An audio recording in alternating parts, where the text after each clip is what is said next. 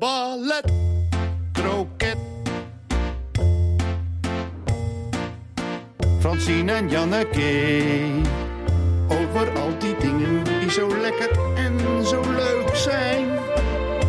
Ballet, kroket, culinaire zaligheden, culturele wetenswaardigheden en ook nog met live publiek erbij.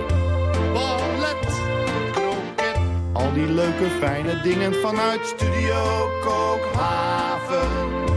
Ballet, kroket, ballet, kroket, ballet, kroket. Welkom, lieve luisteraars thuis, onderweg of waar je ook bent als je naar ons luistert. En welkom, lieve live luisteraars, hier in Studio Kookhaven. U hoort het Ballet Croquet wordt opgenomen voor een live studio publiek. En we zijn dan ook de enige podcast met live reacties. En die komen binnen via de Ballet Croquet app. Ja, en we hebben met het publiek al genoten van de Ballet Croquet Huisband. Onder de tweekoppige leiding van Arend Bouwmeester en Matthijs Groené. Met vandaag, ja, al voor de derde keer, de special guest, Chris Korstens. Ja, ja dat, het publiek is uitzinnig, want die, eh, die band van ons die geeft eigenlijk altijd een, eh, een privéconcert. Eigenlijk, eh, ja, de hottest ticket in town zijn we op maandagavond. Hier in de Kookhaven, vlak voordat de opname begint. En dit is hem dan, Francine. Aflevering 5 van het eerste echte seizoen van Ballet Croquet. Precies, we gaan het hebben over dingen die het leven leuk en lekker maken. Waarmee je het leven kunt vieren, versieren en verdiepen. Wij doen daar al 25 jaar onderzoek naar, Janneke. We kennen elkaar van ons werk op de redacties van Kunststof en van Mandjaren op Radio 1. En wat blijkt, al die onderwerpen kun je plaatsen op de lijn van ballet tot kroket. Janneke, waar zit jij vanavond? Ja, ik kom weer voor de, voor de verandering met een kroket, maar dan wel echt een gezonde kroket. Een gezonde goed kroket. voor je is. Oké, oké. Ja. Dus toch aan die kroketkant. Ja, En oké. jij, waar zit jij? Ehm, ja, ik vind mijn eh, tip toch eigenlijk weer heel erg uitgebalanceerd. Hij is en kroket en ballet. Uh-huh. Want veel mensen vinden een museum al snel ballet. Maar wat Ja. je daar ziet, kan ook weer heel erg kroket zijn. Ja, dat vind ik ook. Dat vind ik ook. Nou goed, Nou ja, we gaan lekker, het cryptisch horen. genoeg. Ja. We beginnen in de keuken, want eh, daar staat Ro Barbie. Je bent net een eigen cateringbedrijf begonnen. Barbarella heet het. Nou, dat is sowieso om nooit te vergeten. Barbarella. En we gaan straks praten over wat je ermee wil doen, maar we gaan ook iets van je proeven. Kun je vast één ingrediënt prijsgeven? Zeker. Ehm, nou, eigenlijk het ding wat jullie gaan proeven vanavond, eh, wat daar vooral in centraal staat, is de eh, olijfolie. Mm. En ehm, ja, ik vind er zijn gewoon zoveel verschillende smaken te vinden in olijfolie. En heel veel mensen die eh, zijn zich daar helemaal niet bewust van. Dus ik heb een hele mooie olijfolie meegenomen uit Italië. Het is een biologische olijfolie. Hij is ook wat pittiger van smaak. Dus je zal hem ook echt heel erg eh, ja, proeven in het gerechtje wat jullie krijgen. Oh, wauw, ja, dat klinkt zo goed. En dan hebben we natuurlijk ook nog de gidsen van de avond. En gidsen, dat zijn mensen die voor ons het hele culinaire, culturele landschap afgrazen. En dan hier komen vertellen over wat ze daar deze week uit willen lichten. Helena Hilgerdenaar, redacteur verdiepende kunst bij de Omroep NTR. Dol op woorden en beelden. Wat ga je doen? Ik heb voor jullie eh, de dikke Tommy Wieringa gelezen. Een echte baksteen ligt hier voor me. 500 pagina's bijna.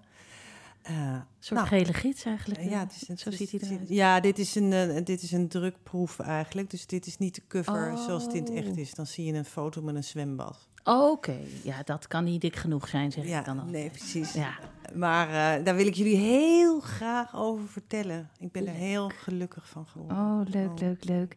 En dan hebben we Bo Vasseur, jong talent in de omroepwereld, werkzaam bij verschillende programma's. Wat, wat ga jij vandaag vertellen? Eh, ben afgelopen week naar een hele mooie Koreaanse film geweest. Die Oh. heel veel indruk heeft gemaakt en eh, waar ik jullie graag meer over vertel. Nou, dat eh Koreaanse films, leuk. Janneke en Francine Ja, Francine, dat belooft een heerlijke aflevering te worden. Maar uh, we moeten niet vergeten dat dit gewoon een podcast is. Dus beginnen we met jouw week. Wat heb je gezien, gedaan, gehoord, geproefd? Nou, ik lag uh, gisteren, uh, wat was het, zondagmiddag, echt voor pampus op de bank. Mm. Ik had liggen lezen in een prachtig boek, Wellebeck. Oh, ja, heel heftig. Ook maar... geen lichte kost even zo voor de, voor de zondag. Nee, maar ik hou van... ja, het mag zwaar zijn. mag zwaar zijn. Ja. Dus uh, dat was prachtig. Maar toen dacht ik, ik heb ook zin om nog even eruit te gaan en even iets, uh, iets mee te maken. Dus ik was gefietst naar het Foam, omdat ik gehoord had dat daar een expositie was met beelden uit Istanbul. Een stad waar ik voor werk binnenkort uh, naartoe ga. Maar ik kwam binnen en eigenlijk op weg naar die tentoonstelling van die Turkse documentairefotograaf stapte ik binnen in een ruimte en kwam daar in aanraking met een fotograaf die ik helemaal niet kende, Sarah Swinner, geboren Canada.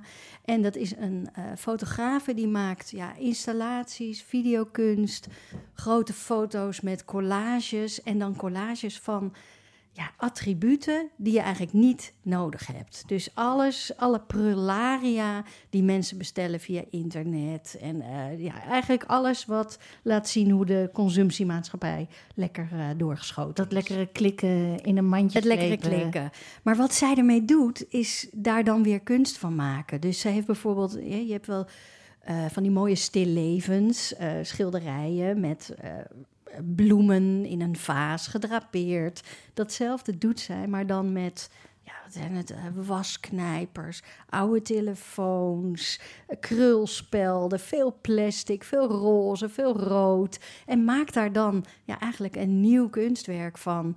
Ja, wat, wat aan de ene kant gruwelijk is, want je ziet, jezus, dit is eigenlijk allemaal troep mm -hmm. en je hebt het niet nodig. Uh, maar wat ze er dan van maakt, is eigenlijk een beeld wat ook weer heel erg klopt in kleur en in vorm. En ja, ik vond het heel verrassend. Uh, je ziet ook, ze heeft ook een mening natuurlijk over die consumptiemaatschappij. Uh, is niet goed, hè? Nou ja, is nee. niet goed. Je ziet gewoon, dat is de, Mag niet. We, we gaan eraan kapot. Ja, joh. En, dus, dus dat zie je. Maar ik vind dit een hele leuke manier, want dan blijf je kijken naar iemand die op zich iets heel zinnigs zegt. Ja. Uh, het is niet een opgeven vingertje. Het is gewoon een hele, voor mij een hele prettige manier om op die manier ja, te kijken naar... oké, okay, ja, dit is, dit jij is bent wat we ook, hebben aan spullen. Ja, ja, ja. En ik ken jou ook, je bent heel evenwichtig in je uitgavenpatroon. Je, gaat niet, je bent niet iemand die heel snel... Uh, voor allerlei verleidingen valt. In het commerciële bedoel ik dan. Nee, zelfs maar, niet op internet. Nee. nee. En, maar is er dan toch een categorie waarvoor zelfs jij de klik doet? Ja. En de ideal? Ja, zeker. Want als je mijn uh, rekening bekijkt, zit daar ook heel veel, uit, heel veel online bestellingen bij. Mm. Maar dat zijn dan toch van tevoren bedacht. Uh, dus ja. ik ben niet zo'n impuls aankopen. Nee, dat, nee. dat niet. Dus het zijn vaak dingen die ik, ja, waar ik al over nagedacht heb en die ik dan ga zoeken. Ja. Um, maar toch spreekt dit, uh, dit hele fenomeen spreekt me wel aan. Uh, iemand die het eventjes op een andere manier laat zien. Dus niet met, uh, ja, met een, een, stuk in de krant en het gaat helemaal de verkeerde kant op. Maar nee, gewoon iets nieuws creëren en daar van alles ja, in gebruiken, waardoor je, waardoor je het ook ziet. Mm -hmm. Dus ja, ik vond het, ik vond het een hele ja, een verrassende fotograaf, Sarah Swinner. Um, nu nog een paar dagen in foam, maar nou ja, ze is volgens mij wel zo groot dat ze her en der uh, te, zien, uh, te zien is. Ja, die moeten we gaan volgen. Daar ja. komt het eigenlijk ja. niet. En uh, over ballet of kroket. Ja? ja, ik vind altijd plastic heel erg, ja... Ja, dat is best wel goedkope kroket natuurlijk. Goedkope kroket. Ja, ja goedkope kroket. Ja. Eigenlijk goedkope kroket. Maar het knapperige en het mooie van een goede kroket, dat zit dan eigenlijk weer in ja, hoe ze het vormgeeft en wat ze er uiteindelijk aan een soort nieuwe kunst. Wat je met al die rotzooi weet te zeggen eigenlijk. Ja. ja. Nou goed, we gaan ons leven dan? toch weer proberen te beteren, vind ja. ik ook. Na dit. Ik, ik kan wel een beetje geïnfluenced ja. worden op die kant. Want ja, ik, ik, heb, ik heb het ook redelijk onder controle. Maar ik heb laatst toch weer bijvoorbeeld iets... Niet jokken, Janneke. Nee, nee, nee. Ik zeg ook redelijk. He, dat is een woord, dat is heel breed. Ja. en uh, ik heb laatst een doek gekocht waar je, waar je je douche mee kan droogmaken als je gedoucht hebt. Dat is voor mensen die hun douche normaal droogmaken met een trekker. Ja. Nou, dat doe ik al niet. Dus waarom koop ik dan een doek waarmee dat handiger is dan met een trekker? Terwijl ik ben niet een, een, een echt goede droogmaker. Maar ik heb er nu wel de hele goede doek voor. Maar Dat wat gebeurt. stond erbij dat je hem kocht? Ja, het was een filmpje. En het, weet je, dat soort filmpjes hebben de neiging om tegen jou te doen dat er veel meer problemen gaan verdwijnen als je dat product koopt. Ja, dat Niet eens het. dat van die natte douche, want dat vind ik zelf, ja, net Het is de belofte. open deur. Maar dat, dat je, ja, dat die mensen zijn zo blij dat ze dat met, dat, Ja. met die lab hebben gedaan. Ja. En dan denk ik, ja, dat is precies Ja. datgene wat ik nodig heb om, om ja. Nou, oké, dan nog één tipje van de sluier. Ja. Nog één ander kunstwerk van deze Sarah. Namelijk een hoopje pantyhoses. Oh ja. Daar zit natuurlijk de belofte in als je de goede pantyhose koopt. Ja, dat dan krijg je hele lange panty, benen Ja. die glimmen. Nou ja, dat is dan. En die, ook- die gaan dan nooit kapot. Nee. De echt goede. Ja, Ja, ja. nee, nou ja. Nou goed. ja. Waar ze, eh, je wilde iets anders vertellen. Ja, nou nee, ja. eh, Ik eh, zat natuurlijk ook met eh, deze week. Ik zat ook op de bank en zocht naar iets van schoonheid en troost. En er is ontzettend veel op dit moment te zien op de televisie. Ja, tenminste op de screen, eh, streamersdiensten. en ik dacht, het, ja, ik weet het, ik weet het helemaal. Maar er kwam, elke dag kwam er eigenlijk weer iets nieuws waarvan ik dacht, nee, daar moet het nu over gaan. Dus ik heb uiteindelijk gekozen voor de serie Sex Education op Netflix. En dat is gewoon zo'n heerlijke serie. Het is een van de drie leukste eh high school series die er op dit moment te zien zijn. Het is natuurlijk vrij treurig om als vrouw van een zekere leeftijd naar high school series te kijken. Ik bedoel, daar is zo'n zo'n zo'n lab voor de douche is veel meer bij mijn leeftijd passend dan de high school serie. Maar Allah, ik heb het, ik heb het allemaal in me. En ehm, hoe heet het? eh, maar deze high school serie is gewoon leuk voor alle leeftijden. En dat, dat, dat is met alle goede high school series. Wat maakt zo. hem zo goed? Ja.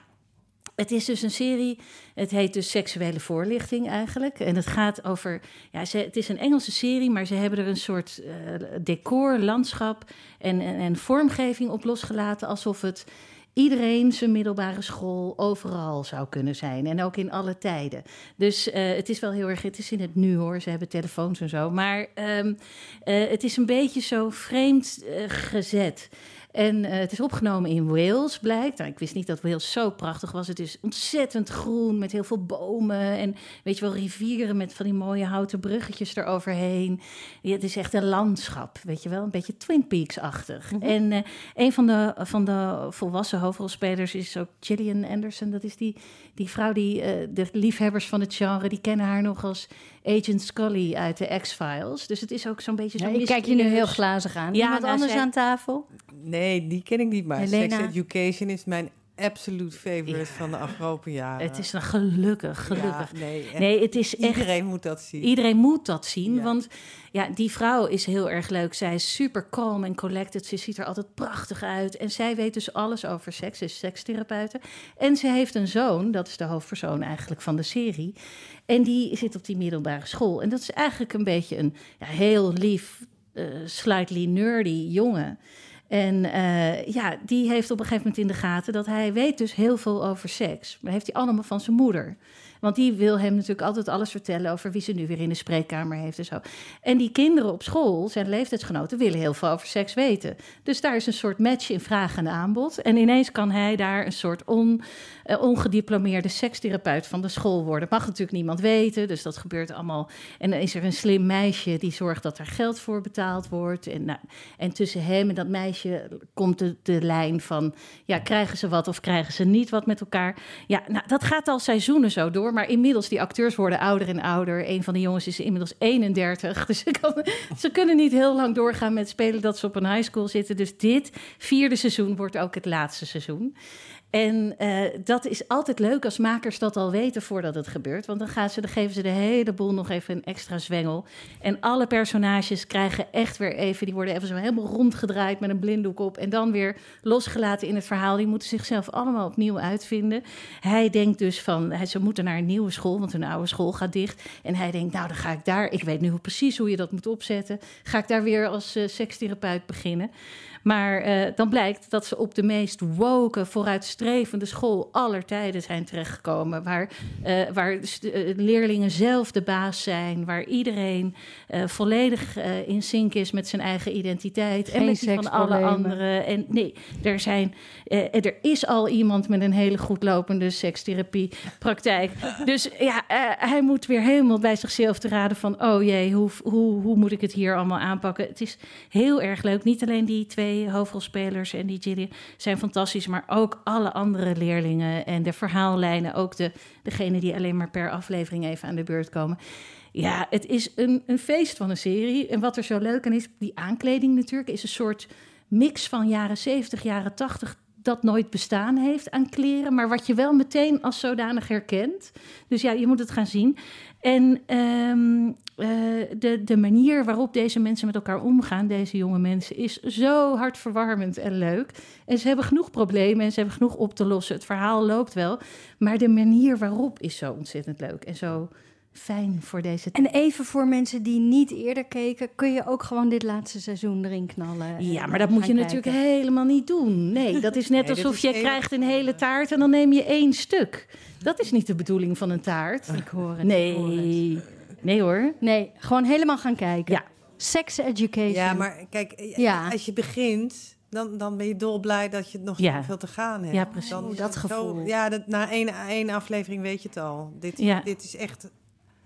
Ja, je wilt tussen die mensen rondlopen, hè? Je wil even tussen die mensen ja, maar die rondlopen. Je wil er casting gewoon... is enorm. Ja. Ik hoor het. Je had erbij moeten zijn. We gaan het allemaal kijken. Toch? Ja. Ze, en voor iedereen toch... Nou ja, je moet wel Netflix hebben. Je moet Netflix of Ja. iemand kennen Netflix. Ja, sorry. Dat mag niet, hè? Mag woorden delen. Nee.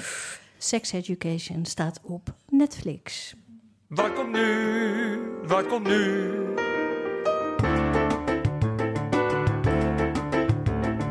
Wat is het volgende eigenlijk? Wat komt er nu? Wat komt nu? Wat komt nu? De kok van de week komt nu, dat is Ro Barbie. En je bent net begonnen met een eigen cateringbedrijf, dat heet Barbarella. Ja. Maar je komt ook net van de kunstacademie. Je bent eigenlijk net zo thuis in een keuken als in een atelier. Maar voor je beroep koos je voor de keuken. Dat klopt, ja. En wat was dat? Waarom? Ehm, nou ja, dat heeft er meer mee te maken dat ehm, ik vind het gewoon heel erg fijn om met mensen samen te werken. En dat kan natuurlijk ook eh, heel erg goed in de kunst. Maar ik merkte dat eigenlijk alles wat ik qua kunst maakte, dat het nogal persoonlijke projecten zijn. Dus ja, een schilderij maken is toch meestal wel iets wat je, wat je alleen doet. Ehm, en met eten maken is dat gewoon heel erg anders. En eh, werkt het juist heel erg goed als je dat samen met elkaar doet. En je kan superveel van elkaar leren. En ja, vooral het contact met mensen en alle kennis die je van elkaar op kan doen, dat, eh, dat maakte voor mij dat ik hiervoor gekozen heb. Mm, ja, hartstikke leuk. Ja, je weet het ook niet. Het kan altijd nog zijn dat de schilder in jou Zeker. opstaat en de kokker een beetje aan de kant eh, duwt. Maar je bent dus, ja, je hebt, je hebt je eigenlijk, je bent in verschillende restaurants gaan werken en zo heb je eigenlijk het vak in de praktijk geleerd. Maar afgelopen zomer was je met je eigen cateringbedrijf meteen in een vrij grote klus beland. Ja, Wat ja dat klopt. Ehm, nou, ik had eigenlijk al een tijdje eh, het idee om dus voor mezelf echt te beginnen. En ik was dan al wel ZZP-kok, dus ik werkte al wel op verschillende plekken. Alleen om, ja, ik deed nog niet echt zoveel echt eigen projecten met een eigen idee en een eigen menu. En ehm, ja, ik ken mensen die een festival organiseren in, eh, in Frankrijk. De Bruiloft heet het. Ja, de en, bruiloft. Ja, Ja, vertel dat even, want het is een idioot verhaal. Ja, nee, het is een, eh, het is een bruiloft. En, eh, maar het is eigenlijk een festival. Maar het is ook een bruiloft. En dat wordt nu al zeven jaar lang. Volgens mij. Ik denk dat dit de zevende editie is, weet ik niet zeker. Ehm, maar ja, het is eigenlijk gewoon een plek waar liefde en vrijheid worden, wordt gevierd. En het is niet heel groot. Volgens mij waren er iets van 400 mensen dit jaar. Eh, maar ja, al die mensen die eh, moesten natuurlijk ook eten. Ja. En ik zeg idioot, omdat eh, is het niet zo dat mensen er ook naartoe gaan, eigenlijk als alternatief voor een, voor een trouwfeest? Ja, ja dat Ja. ook. Ja, en het is heel erg de, ehm, vooral de queer community eh, gaat daar naartoe.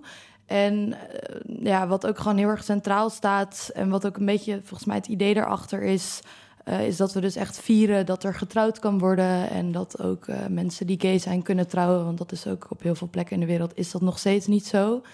En het is gewoon een hele mooie, mooie viering eh, van de liefde eigenlijk. In een château in Frankrijk, dus mooier kan het niet. Maar inderdaad, ze moeten ook eten. Ja, en het was wel een beetje in the middle of nowhere. Dus ik had gezegd van, oh ja, leuk, ik, eh, ik doe het wel. Ik wil graag de catering doen.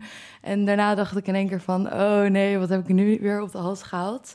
Eh, want ja, je moet natuurlijk allemaal spullen huren en die moeten daar ook komen. En waar ga je inkopen doen?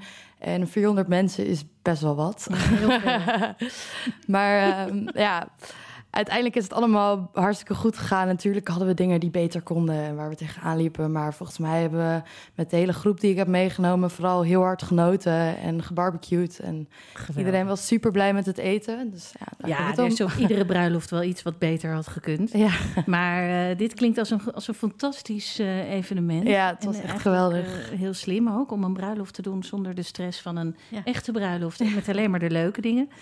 Eh, maar je gaat ook met Barbarella eigen diners organiseren. ja nou, dat is wel het, eh, het plan. En eh, omdat ik natuurlijk nog net, begonnen, net ben begonnen, heb ik dat nog niet eh, gedaan. Maar ik ben er nu druk mee bezig. En ehm, ja, ik ben nu druk bezig met locaties vinden. En, maar ik denk dat over twee, drie maanden dat de eerste editie zal zijn. En dat zal dus niet alleen eh, om het eten gaan, maar ook eh, interactief zijn met kunst en muziek. En ik wil juist een combinatie maken van, van die dingen. Mhm. Echt een beleving eh aan Ja, zich. Meer dan het eten. Ja, het, is, eh, het, het maakt heel nieuwsgierig. Ja, ik vind het heel leuk. Ik ben Ja. heel benieuwd eh, wat, je, ja, wat je ervan gaat maken. Ja, mensen kunnen dat niet zien. We moeten sowieso een foto ook van jouzelf maken. Want je ziet er zelf zo prachtig uit. Het is dan toch heel jammer dat het, ja, dat het podcast is. want mensen moeten jou eigenlijk even zien. En dan voel je, dat wordt een belevenis. Ja. Ja. Zeker. En je gaat iets voor ons maken natuurlijk. Dus Ja. dat mogen we straks gaan proeven. We zijn heel eh, benieuwd. Hartstikke leuk. Ballet, kroket, ballet, kroket, ballet. We gaan naar onze eerste gids van de avond. Helena Hilgerdenaar, redacteur kunst en cultuur bij de NTR. Woorden en beelden zijn zeg maar echt jouw ding. En vandaag is de literatuur waar je uit gaat putten. Vertel. Ja, nou, de dikke nieuwe Tommy Wieringa. Oh ja, het zei je al, de baksteen. De baksteen, eh groots en meeslepend. Echt een boek wat eh Is dit jouw ambitieus- Groots en meeslepend? Ja. Ja. nee, het klonk bijna of je zo'n blur... Woorden zijn eh, dus zeg maar echt haar ding. hè? Ja. ja. Groots en meeslepend. Groots en meeslepend is best wel mijn ding. Ja, Ja. geloof het wel. Eh, als ik het afgelopen jaar naga, hou ik wel van complete romans. Maar goed, ik vind soms even een, een klein kort verhaal ook heel erg mooi. Dus ik, ik, ik ben gewoon, ik, ik, ik, ik eet het allemaal. Maar dit zit ontzettend goed in elkaar. Het is heel knap gecomponeerd. Ja, Mhm. dit klinkt ook allemaal af Nee, de nee, nee. achterkant, maar... We zijn er nog, kom Maar op. Tommy. Wieringa is ook helemaal niet de man die altijd met een heel dik boek... Nee, hij heeft hele prachtige korte verhalen. Bijvoorbeeld één kort verhaal over een jongen die eh, een vluchteling uit Marokko en die achterin eh, in de auto in een kofferbak wordt vervoerd door twee toeristen en denken, ach, we nemen die jongen even mee in de kofferbak. Nou, dat is, dat is 90 pagina's en het is echt, eh, ja, heel fijnzinnig. Mhm. Heel ander taalgebruik eigenlijk ook. En, en, en dat heeft me heel erg ontroerd. Mhm. De- Maar, maar Tommy is wel vooral bekend van die Cesarion, eh, eh, Joe Speedboat, de Heilige Rita. Dat is wel al, allemaal best wel, eh, ja, er gebeurt veel. Veel verhaal. Veel verhaal. Ja. En ook wel best wel ronkend, maar Mhm. dat kan ik ook wel waarderen op zijn tijd. Mhm. Maar dit is zijn meest ambitieuze roman tot nu toe. Met, Echt waar? met- ja, de dikste. En heeft hij ook zes jaar lang heel hard aan gewerkt.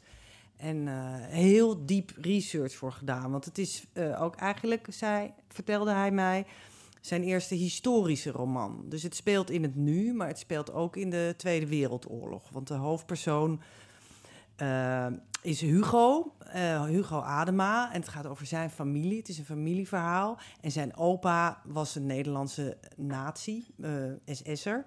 En ja, heeft, heeft voor de nazi's gevochten in Oekraïne en Rusland. En deze man, eh, die leeft nog steeds. Die is nu op het moment dat het boek begint, is hij 100 jaar oud. En ehm, ja, die heeft iets slims gedaan. Die heeft eh, dus eh, aan de foute kant van de geschiedenis gestaan. Op het eind van de oorlog had hij wel in de gaten, het was ook een slimmerd, dat die Duitsers gingen verliezen. En toen heeft hij zich aangesloten bij een soort raar, vaag verzetsgroepje. En toen heeft hij gedaan alsof hij dus geswitcht is. Of dat hij een soort dubbelspion is geweest. Nou, en dit verhaal is gebaseerd op eh, een echte industrieel. Man die later ook groot en rijk en in de quote 500 is gekomen. Herema. En die man eh, is dus bij de Waffen-SS geweest en is overgestapt. En is daardoor heeft wel wat straf gekregen na de oorlog, maar is, is, ja, is echt ontkomen aan. eh, ja, en Het heeft hem niet ja, heeft weerhouden om een heel carrière. grote man te worden. Ja. Ja. En nu is er deze, deze kleinzoon, die ook al inmiddels bijna 50 is, als ik het goed begrijp. En die zit heel erg met die geschiedenis. En die wil gewoon nu uitzoeken, dat is in het begin van het boek niet helemaal duidelijk. Hoe fout is fout? Wat, heeft hij nou, wat is er nou met dat verzetsgroepje? En dan gaat hij onderzoek doen in het eh NIOD, dat is het eh, Instituut voor Oorlogsdocumentatie. En loopt daar de schrijver Tommy Wieringa Ja. tegen het lijf. En Dat is ontzettend grappig, dat zit helemaal door dit boek heen. Het is een fictief boek. Maar er komen allemaal mensen in voor die we allemaal Die kennen. echt bestaan. Ja, dus en ook hoe Tommy zichzelf dan neerzet. Zo van, ehm, ja, de arrogante man die stinkt uit zijn mond. Zo, nou, maar goed, en Thierry Baudet speelt een belangrijke rol. Want die is dan zeg maar de vertegenwoordiger van het nieuwe fascisme in Nederland. Mhm. En, ja, en dan hij, ook eh, hij- met naam. ja, Gewoon ja, ja, helemaal met name. En er komen ook verschillende kunstenaars in voor, maar er zijn ook wel weer eh, ja, allerlei fictieve. Dus wat, hij maakt echt een, een spel met, met fictie en waarheid. En hij plukt ook uit, eh, ja, dus uit levens van mensen. Maar wat ontzettend goed gedaan is, is dat die man die echt heeft geleefd, eh, die schijnt dagboeken te hebben geschreven, maar die zijn Mm. verdwenen. Mhm. Maar in dit boek zijn ze niet verdwenen en kan Tommy natuurlijk Bij die die, dagboek. die dagboeken gaat hij aan ons eh, laten lezen via allerlei... eh, die Oh, dus de verbeelding van Tommy. Die verbeelding, maar dat is zo goed gedaan. En Tommy heeft ook gewoon alles gelezen over de SS. Waarschijnlijk de ook Nederlandse echte SS. dagboeken gelezen. Ja, eh, dus Ja. die zijn er ook. Dus Ja. het is, dat is ontzettend goed gedaan. Dus het is een heel ja, goed ge, doorvrocht, geresearched verhaal. Maar het is daarna ook echt een, ja, een liefdesverhaal, Mhm, familieverhaal. Want het is, nu lijkt het, weet je wel, de hoofdpersoon is een, een man en, en de opa is een man. Maar de echte mooiste personages in het boek zijn vier vrouwen. Waaronder de gouvernante van de hoofdpersoon. En dat is dan ook weer gebaseerd op de pleegmoeder van eh, Tommy Wieringa. En dat is echt de vrouw die, de, ja, die deze man heeft gered toen hij jong was. Want hij had hele liefdeloze ouders. En dat is zo mooi beschreven, deze vrouw in dat boek. En ja, dat blijkt dus gewoon helemaal allemaal echt gebeurd te zijn. Ja, dat, is, ja. dat is heel doorleefd. Dus het is aan alle kanten heel gelaagd. Het- ook het, Ja. het, het, het realiteitsgehalte. Ja, En de het, en het, ontleningen. eh, het is ook echt een boek wat helemaal reflecteert op deze tijd. Dus de klimaatcrisis zit er helemaal in verweven. Het gaat over populisme. Het gaat over... Er zitten eh, MeToo, eh foute mannen in. eh, de, ja, en dan klinkt het als ik het zo allemaal achter elkaar opnoem... van nou, dit is een heel pretentieus boek waar alles zo... een- Maar dit is dus heel erg mooi, eh, Ja. eh, goed in evenwicht. Ik ben echt oprecht heel enthousiast. En hij kan nou, hij kan gewoon prachtige zinnen maken. Hij kan Heb je zo'n prachtige zin? Is er een zin? Is er, oh, schatje. Wat vraag je Ehm nou? Francine, heb je dit boek gezien? Waar je nu vraagt of ze er even een zin uit wil halen. Maar ik ken Het is een Helena. heel dik ik ken boek. Helena, Ja, die, eh, die heeft een zin. kras. Die heeft, die heeft een zin. Ja, die heeft dit allemaal keurig geannoteerd. Ja, die heeft natuurlijk ook Ja. een zin. Oké. Ja, dit, je valt er even zo in dan, hè? Ja, dat geeft niet. Hier. Het einde van de Koude Oorlog brengt voor de offshore, dat is waar die opera werkt, nieuwe windgebieden binnen bereik. De verovering van de aarde gaat altijd door. Onophoudelijk spieden mannen, zoals hij, tot in de verste uithoeken van de planeet om te zien waar ze hun geavanceerde gereedschappen in de moederrots kunnen planten. Al dat hakken, boren, graven en delven in onze aardkorst heeft het aanzien van een gewelddaad, van een verkrachting in symbolische zin, waarmee ze gehoorzamen aan de goddelijke opdracht die aan het begin der tijden aan de mens is gesteld om vruchtbaar te zijn en de aarde en alles wat daarop is aan zich te onderwerpen. Zo, Ja, het gaat dus echt over de mens die ongelooflijk. Ja. Maar wat een, wat een knappe omkering van hoe jarenlang naar dit soort pioniers is gekeken. Als, als naar helden en slimme zakenmannen en zo. En ineens zie je ze voor de, voor de graaiers en uitbuiters. ja en maar, maar ook zijn. Ja, maar hij zegt ook, maar wij, we, we, we kunnen niet zonder het vuur. En we Mhm. zijn ook vuur. En hij maakt prachtige metaforen ook met, met het, het vuur. Dat de, de ambitie is wat ons drijft. En eh, nou ja, ik denk, ik, ik was zo verbaasd. Er waren een paar lauwe recensies. En ik denk, nou, jullie zijn, jullie zijn gewoon... eh, Hij is Jullie groot voor. Nederland. Ja, ja, Ja, je, je moet dolblij en dankbaar zijn dat er zo'n groot schrijver in ons Ja, want de is. Volkskrant was niet zo Nee, enthousiast. nee zei ik, ik, ik, wel even, ik moet even mijn telefoon pakken. Ja, doe maar gewoon hoor. Het is, eh, er gebeuren hier wel gekkere dingen. stond, stond zo'n mooi eh, stukje recensie in de, in de Vlaamse krant. Ja, die Belgen die begrijpen het dan natuurlijk weer wel. En toen dacht ik, waarom doen wij dat nou weer niet? eh, en gaan we onze eigen mensen afhakken en met azijn overgieten? Dus wacht even. Hier. Wieringa lezen is als een impressionistisch openluchtschilder achter zijn ezel zien. Het vakmanschap druipt van de pagina's.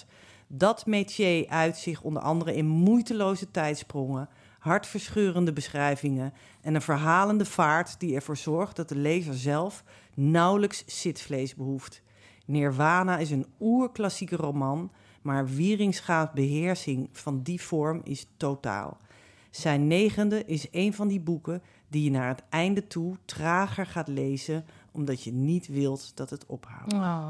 Nou ja, dat zijn dan de Vlamingen die Ja. dit schrijven. En dan denk ik, verdorie, Die snappen het. die snappen het gewoon. Maar goed, we weten, het komt helemaal goed met Nirvana van Tommy Wieringa. Want de enige Nederlandse recensie die er echt toe doet, is die van Ballet Croquet. En eh, ja, ik zou zeggen, slinger maar weer aan die drukkerij. Want eh, ja, tuurlijk. Nirvana. Dingen met dik. Dingen met dik. Dingen met dik.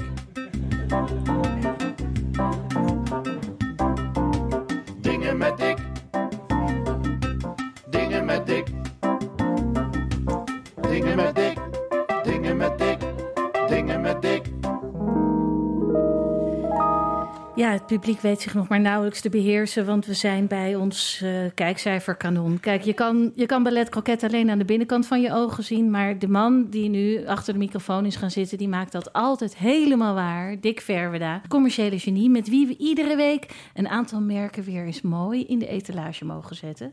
Ja, Dick, eh, wat is het eerste merk? Wat gaan we doen? het eerste merk. Nou, ja, ik, ik, ik, ik begin gewoon bij de binnenkomst. Pak maar mensen. gewoon een merk, joh. Pak ik, maar ik, gewoon heb, ik heb ze blij gemaakt. Ik, ik, zag het, ik zag het meteen. Ik was enthousiast, zoals altijd eigenlijk. En ik heb ze zelfs op deze eh nazomeravond toch die ondergaande zon laten zien. Oeh, prachtig, in dat Eh, mooie grote glas. In dat mooie grote glas Ja. met Hermit Gin.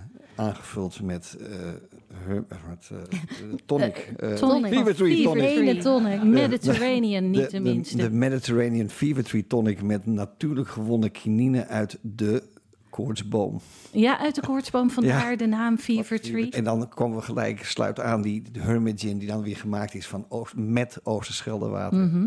Wat een Niet fantastisch... zo uit die Oosterschelde geschept, Nee, nee, dat is een maar mega- uit een hele mooie bron. Ja, een mooie bron, eh 70 meter diep van onder de Oosterschelde wordt dat opgepompt. Door al die zandlagen gezuiverd. En, en, en het is, het is een, een, een prachtige eh, gin gemaakt met dit zilte bronwater. Ja, het klinkt zo zuiver. Ja, het is, het, het is ook zuiver. Ik, ik, ik, één slok en ik, ik zie de mensen, de zuiverheid spat uit hun ogen. Ja, ik, eh, we hebben hem weer het is bijna ontroerend wat er gebeurt. En, en ook eh, de, de, de vorm van het glas, het ondergaande zonnetje in de vorm van een grapefruit. En zeker al die erop ligt, waardoor je de zee weer proeft als je erop bijt. Mhm. het, is, het, is, het is wonderlijk. Het is de perfect surf. En wat Ja. krijgen we nog meer? Wel, wel, welk merk gaan we nog meer eens even lekker Nou, ik wou toch ook wel graag eh, die, die, die, die, die studio kookhaven waar we nu in zitten. Hè, waar, we- waar, we- waar we toch eens even weer onder de Een aandacht fantastische brengen. plek. Ja, hè, want ik hoor hier ook weer net iemand die zoekt aan de locatie om leuk diners te geven. Nou, daar zitten we dan. Zoek niet verder. Nee, zoek je niet bent verder, er. We zijn er. Ja, En, en, en, en, en dat probeer ik eh, meerdere mensen op een mouw te spelen. En het lukt ook steeds Ja. beter. En het gaat ook Trappen steeds er beter. Het wordt ook steeds mooier. En Ja. de diners worden ook steeds lekkerder. Het, het is bijna niet... Nou ja, het is, het is ja prachtig. die En mensen ik- hebben en- allemaal groot gelijk. Ja. Precies, en iedere keer denk ik ook, weet je, er zijn echt maar heel weinig plekken waar je zelf als huurder Je nog iets kan doen. bepalen. Ja, Dus je kan hier ja. of zelf koken of voor je laten Ja, koken. en het is geen luiheid, hè? Het is, het is aanmoedigen voor eh, talent. En, eh, en ik geniet er ook erg van als er, als er eh, kundige mensen hier rondlopen die iets moois neerzetten. Maar als van, iemand eens een keer lekker alles wil laten aanbakken, mag dat ook in studio. Ja, laat het lekker aanbranden. We Ja. hebben een afzuiginstallatie. Precies, nou, dat kan ook niet overal. Eén keer per jaar wordt die schoongemaakt. Maar goed, dit is ik. dus de plek waar alles mogelijk is. Ja. Eh, dus dan hebben we eigenlijk nu al drie hele mooie merken eh, in het zonnetje Ik gezet. ben bang van wel. En, Ja. Nou goed, eh, de mensen die, die willen natuurlijk weten waar ze al deze fantastische producten kunnen krijgen. nou, wat betreft Hermit Gin, nou die kunnen ze krijgen bij Gal en Gal. Ehm, Fever Tree Tonic, de Mediterranean versie, kun je ook krijgen bij Gal en Gal, maar ook bij andere supermarkten en slijterijen. En eh, ja, eh, deze prachtige studio Kookhaven vind je ja, op Instagram bij Instagram, Kookhaven, maar je vindt hem ook op kookhaven.nl. En dan zijn er natuurlijk heel veel mensen die eh, nu meteen willen komen adverteren in Ballet Croquet. En ook jouw zoetgevoiste stem hun merk willen laten bezingen. En dat kan, dan hoeven ze alleen maar een mail te sturen naar alles.balletcroquet.nl. Dingen met dik, dingen met dik, Bo Vasseur, een van de jonge talenten uit Omroepland. Je werkt voor Dit Was Het Nieuws, je studeerde journalistiek, je werkt bij Galit en Sophie. En we gaan van jou nog heel veel horen en lezen. En hier bij Ballet Croquet ga je het over een film hebben deze week. Ja, klopt. Dit is een film die me eigenlijk gewoon de hele aftiteling in stilte heeft laten uitzitten. Dat heb ik nog nooit eerder gehad. Hoe kwam dat? Eh, nou, het is een verhaal. Eh, het is een Koreaanse film. En in de film vertrekt een alleenstaande moeder samen met haar zoon naar Canada. Eh, en gaan ze zo op zoek naar een beter leven. Eh, regisseur Anthony Sim baseerde de film eigenlijk op zijn eigen jeugd. En dat voel je door de hele film heen. Eh, en hij speelt zelf ook een hele kleine rol in de film als stiefvader. Hmm. De moeder groeide dus op in Zuid-Korea en hij werd, zij werd verliefd op een man die zichzelf van het leven berooft. Eh, en dan besluit ze samen met haar baby naar Canada te vertrekken en gaat ze werken in een fabriek. En daar vindt ze haar eigen worsteling tussen alle ja, mannen die daar werken. Mhm. Eh, en wanneer haar zoontje voor het eerst naar school gaat, eh, valt hij ook voor het eerst buiten de boot. Ah. En als tiener krijgt hij een opdracht om een stamboom te maken, maar hij weet dus eigenlijk helemaal niks. Hij heeft alleen zijn moeder. En dat wordt een beetje de leidraad in de hele film. En de film heeft echt prachtige shots, waarvan ik eigenlijk ze allemaal het liefst uit wilde printen en op mijn muur wilde hangen. Beschrijf er eens een. Eh, het is een beetje een soort analoge film, dus echt heel erg kodderig. En ehm, het zijn eigenlijk een soort van hele lange plaatjes waar je naar kijkt. Dus je ziet echt de emotie van de jongen of van de moeder, waar ze dan... Het is eigenlijk een soort stil leven. Dus, dus je ziet ze aan tafel zitten. Want in de Koreaanse cultuur is eten een heel groot ding. Mhm. Dus bijvoorbeeld ook als zij iets moeilijk moeten bespreken... dan is zij zo van, hier, neem wat eten, Gaan we eerst neem even wat eten. Ja. en dan voel je de spanning zich echt opbouwen en zit je heel dicht bij hun op de huid. En wat ik zelf heel mooi aan de film vond, was dat het heel erg de worsteling laat zien van mensen die geëmigreerd zijn. Mhm. Want Maar dat er- jongetje, dat valt daar buiten de boot op school. Ja. En hoe uitzicht dat? Hoe komt dat?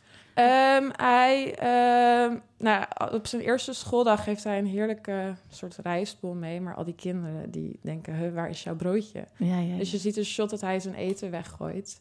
Eh, maar je hebt ook, eh, dat, dat vond ik de meest schijnende scène, dat zijn juf eh, hem, of zijn moeder naar school toe vraagt en zegt van, kan je een andere naam voor hem uitkiezen? Want deze is te moeilijk. Dus toen hebben ze hem volgens mij, ik weet het niet meer precies, maar David genoemd. Ach, En je ziet de verbazing in die moeders gezicht, maar ze gaat er ook in mee. Eh, en eh, de titel is Rice Boy Sleeps. En die kinderen die noemen hem ook allemaal Rice Boy en daar pesten ze aan mee.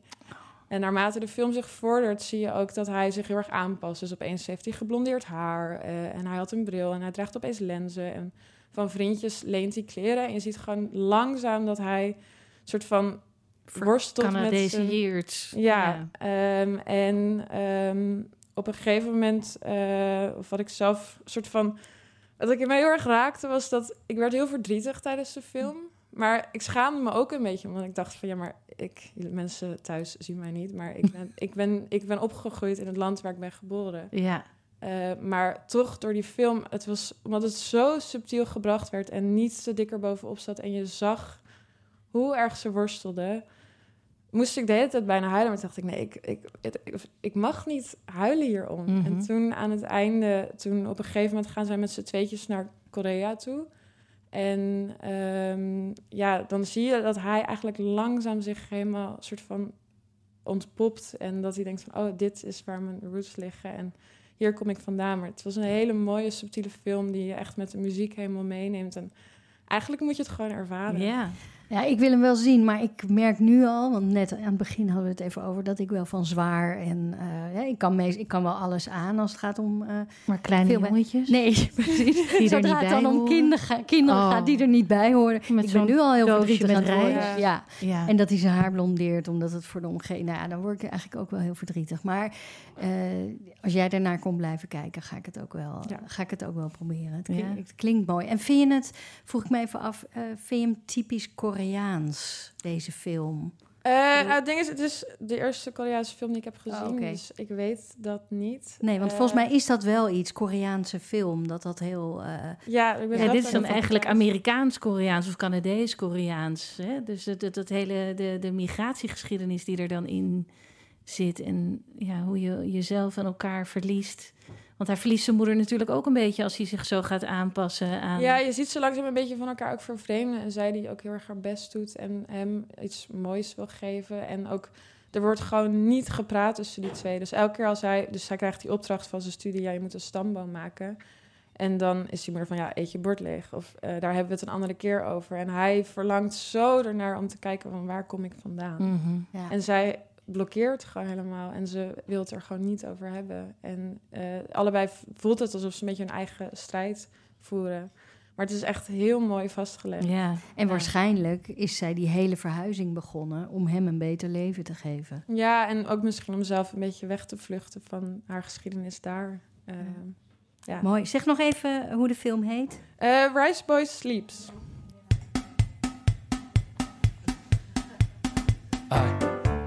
Wie is de kok? Laat mij eens spreken met de chef. Ai. Waar is de kok gebleven, chef? Ai. Waar ben je nu? Laat mij eens spreken met de chef. Ai. Wie is de kok?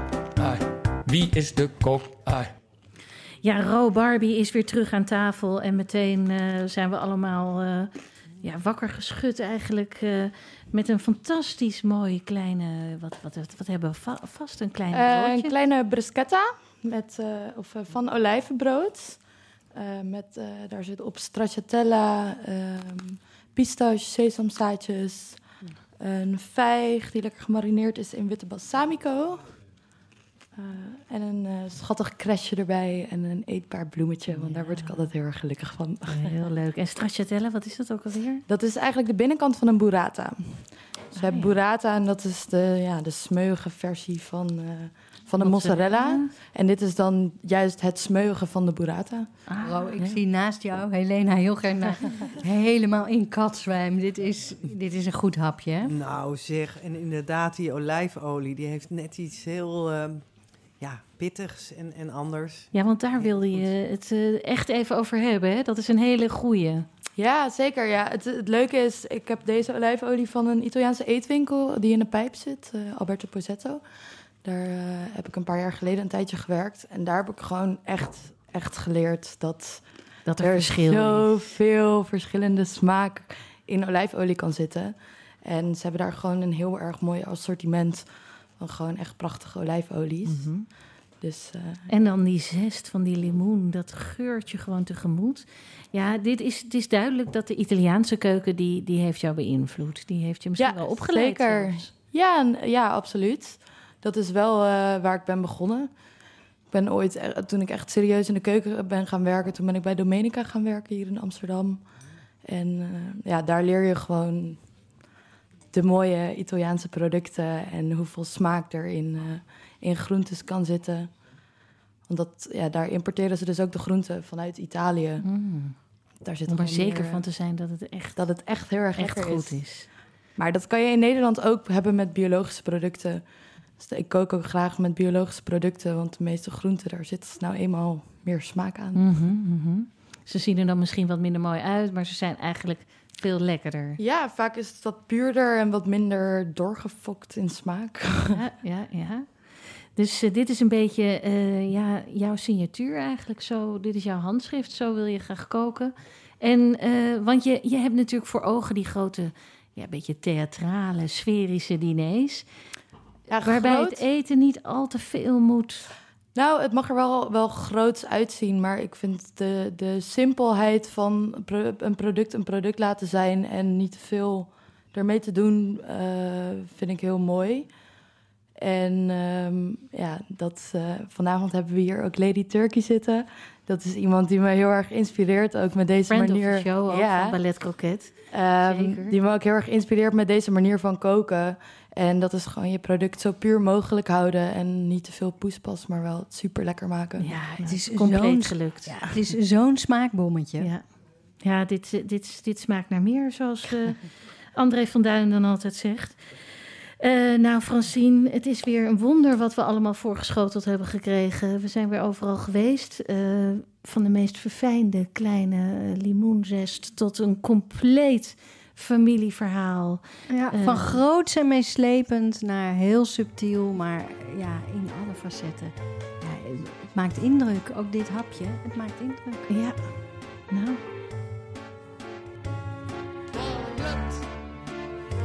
Dit was de vijfde aflevering van Ballet Croquet. We danken onze gasten Ro Barbie, Helena Heelgerdenaar en Bo Vasseur. Grote dank en een extra groot hartje aan de Ballet Croquet Huisband onder de tweekoppige leiding van Arend Bouwmeester en Matthijs Groené. En vandaag als special guest onze Chris Korstens. En eh, ook veel dank en liefde voor de kok die uit het noorden kwam, Lone Palsen, want die heeft ons vandaag weer verzorgd. Kijk op shecamefromnorth.com voor al haar activiteiten. En Ballet Croquet werd weer opgenomen voor een live studio publiek. En wilt u ook een keer komen kijken en genieten van live muziek en goede sfeer? Dat kan. Stuur een mail naar alles@balletcroquet.nl. Ook als u wil adverteren in onze podcast, dan kan gewoon. Stuur een mail naar alles@balletcroquet.nl. En als mailen niet jouw ding is, kijk dan gewoon op onze Insta Ballet Croquet en slide in onze DM. Met grote dank aan de meest gastvrije Fries van heel Amsterdam, Dick Verweda van Studio Kookhaven. Wij gaan weer grazen. Tot volgende week. En onthoud, alles is ballet. Kroket.